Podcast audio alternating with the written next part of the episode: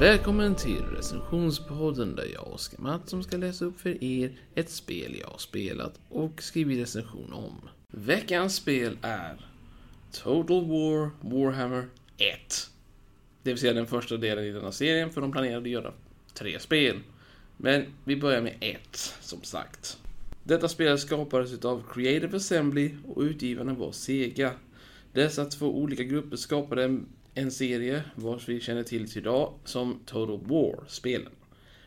Men detta Total War-spelet är lite annorlunda eftersom att det bygger på en fantasy-spelsetting. Inte verklighetsbaserad historik, utan fantasy.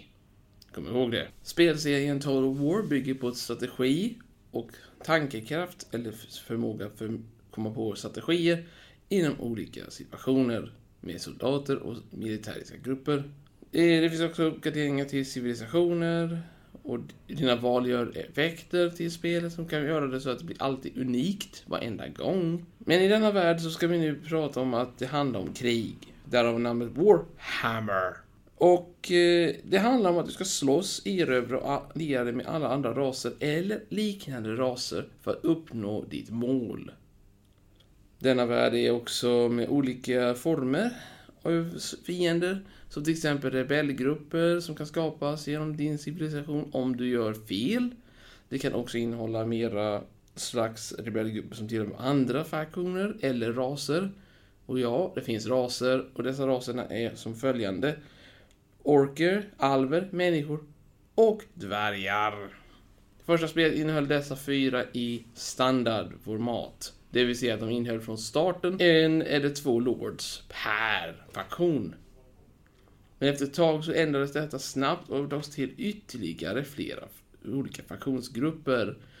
Men tiderna blev bara sämre och sämre för första spelet eftersom att varje grupp var ungefär som copy-paste. Eller kopiera och sen klippa in samma sak igen på samma plats. Men detta var därför de hade mycket ja, planeringar, idéer.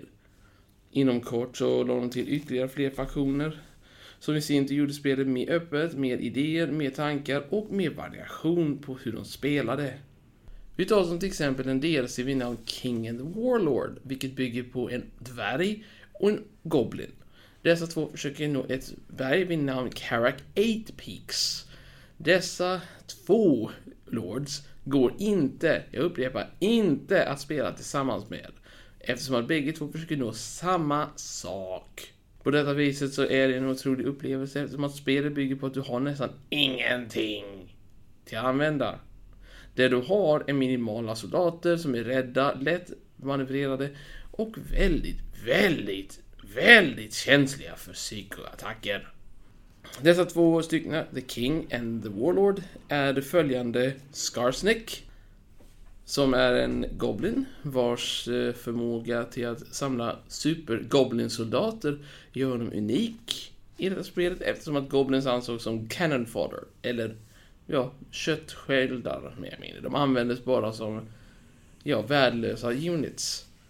Skarsnick är ökänd på grund av att han har blivit ökänd för sitt skratt. Om ni har sett meme-videos eller skämtvideos så har han blivit en ikon för hela industrin. Men eh, nog om eh, Skarsnick, nu hoppar vi över till The King. Vid namn Bellagar. Och Bellagar är den före detta kungen utav Eight Peaks. Vilket gör det ännu värre eftersom att han vill ha tillbaka sitt kungarike till varje pris. Och som vi vet allihopa med dvärgar, de ger inte upp i första taget. Detta var det, det smärtsammaste sättet att spela, men han blev bättre med de andra spelen med uppdateringar och förändringar. Men det får vi höra nästa gång förhoppningsvis.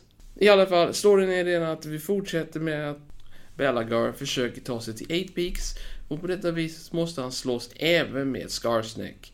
Detta är på grund av att de båda två vill nå berget och, och erövra det. För att få dina specialenheter och tillgång till bättre soldater. En annan DLC jag kan nämna som var med i detta spelet var ju till exempel, ja, Wood Elves. Skogsalvernas DLC var en av de mest imponerande i början, men innehöll så mycket problem. Till exempel, du kan inte göra dig allianser med människor som du hatar människor för de förstör skogen. Du kan inte vara allierad med orks för att de avskyr skogen.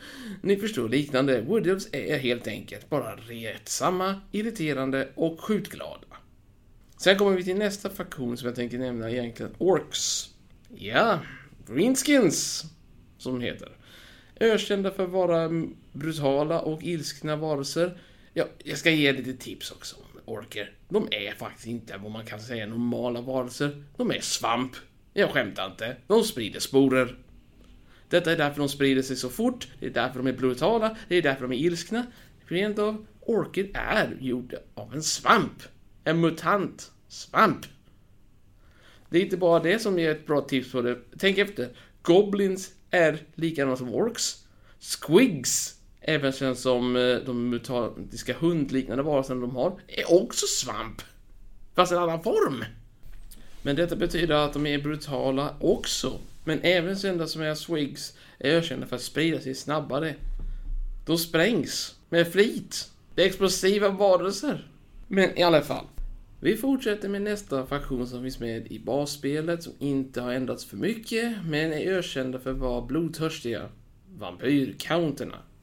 Eller lorderna, eller hur man säger. I alla fall, Vampire Counts är ökända för att vara blodtörstiga, de reser de döda och de är vanligtvis necromancers. Men de är faktiskt ganska komiska för deras kända lord var en, en av de följande människorna som hade mest makt och var nästan placerad som kejsare. De var ökända för denna lorden är ökänd för att för nästa blivit kejsare och därför regerar han över vampyrlordernas arméer. Men problemet är att det finns ett problem i denna. Han var inte med i basspelet. Han blev tillagd som DLC till spelet senare. Istället så hade vi hans ersättare, eller Lord, som kämpade över makten över honom vid namn Manfred. Men de hade alltså samma efternamn. Snacka om komiskt. Manfred von Karstein kämpade för att regera över eh, området. Han rent av kämpade för att ta kontroll. Medan senare när de la till nästa DLC som heter eh, The von Karstein DLCn. Denna vampyr blev gratis till alla, vilket är en fördel för allihopa. Men den lägger till Vlad von Karstein och hans fru Isabella von Karstein. Denna DLC-paket gjordes på ett sånt sätt att du kan välja vem som helst av dem att vara huvudlord, men du kommer kunna spela som bägge två samtidigt, i samma armé. Detta gör det ganska komiskt eftersom att det gör så att den ene blir en, en hero och den andra blir en lord. Och det spelar ingen roll vad du väljer, det blir ändå så i alla fall. De kommer alltid hållas tillsammans. Och nu hoppar vi över till en annan faktion som jag kommer nog eh, påpeka är den mest ökända av alla lordsgrupperna på grund av den stora meme som skapades av deras ledare som säger denna meme vid namn The Empire of Man. Vi kommer nu alltså ta upp den första gruppledaren, eller snarare huvudledaren av The Empire of Man, vid namn Karl Franz den store själv. Kejsaren, prinsen, herren, mästaren. Summon the Elector Counts. Killen. Denna killen är ökänd för att säga just denna mening för att han försöker ena imperiet för att kämpa mot mörkrets alla krafter. Och ja, jag kan tycka faktiskt att han är rolig att spela som. Jag har spelat som Karl Franz så många gånger att jag tycker att han är faktiskt roligast utav alla imperiet att spela som. Han är mest påfrestande samtidigt, men värt det. Men det finns mer lords för varje faktion. Karl Franz är bara en, det finns också Balthasar Gelt som släpptes lite senare i en DLC. Balthasar Gelt är en eh, magiker, en magiker, lord, hjälte. Denna hjältekaraktär, eller Lord, gör otroliga händelser som att han uppfann en magi som heter materialmorphing. Och är en metallisk morph som tillåter den att tillverka guld genom skitgrejer. Tänk till exempel koppar blev plötsligt guld. Nej, det är skrämmande. Mycket material som blir till bara guld. Wow. I alla fall. Det finns en händelse i historien med Baltasar Gelt jag tänker nämna som är komiskt. Och det är det sista jag kommer nämna i alla fall med detta. Är att han förvandlade hela förrådet av en persons guldförråd till bara, ja, till TIN-material, Det vill säga värdelöst pengar. Vilket gjorde så att det kungariket föll i ekonomi. Inte bara lite, de stenhårt. De, de var på toppen av näringskedjan. Plötsligt är de på botten. På en dag! I alla fall, det är historien med Baltasar Gelt. är att han tog och gjorde ett kungarike som var värdelöst i Imperiets ögon till att bli ett av de rikaste och mest framgångsrika Staterna av allihopa. Men min, nu tänker jag avsluta detta så fort som möjligt, som att ni har nog lyssnat nu ganska länge. Och jag hoppas att ni vill spela spelet, för jag tyckte detta spelet var otroligt, men det finns problem. Och just det, jag tänker nämna en Lord-grupp till. Norska, den sista delsen. Värt det. Problemet var bara det, det var mycket problem med denna delsen. Det är inte problem med eh, spelet efter delsen, utan det är med faktionen. Det ändrades med tiden, men i början var det en katastrof. Nu till betyget för spelet. 7,5 av 10. Och varför detta? Uppenbart. Det var första spelet, första försöket. Det fanns problem. De slog ut många problemen, men det är värt det. Jag hoppas att ni njöt av denna recension. Och jag hoppas att ni kommer spela spelet och njuta av det. Tack för mig. Hej då.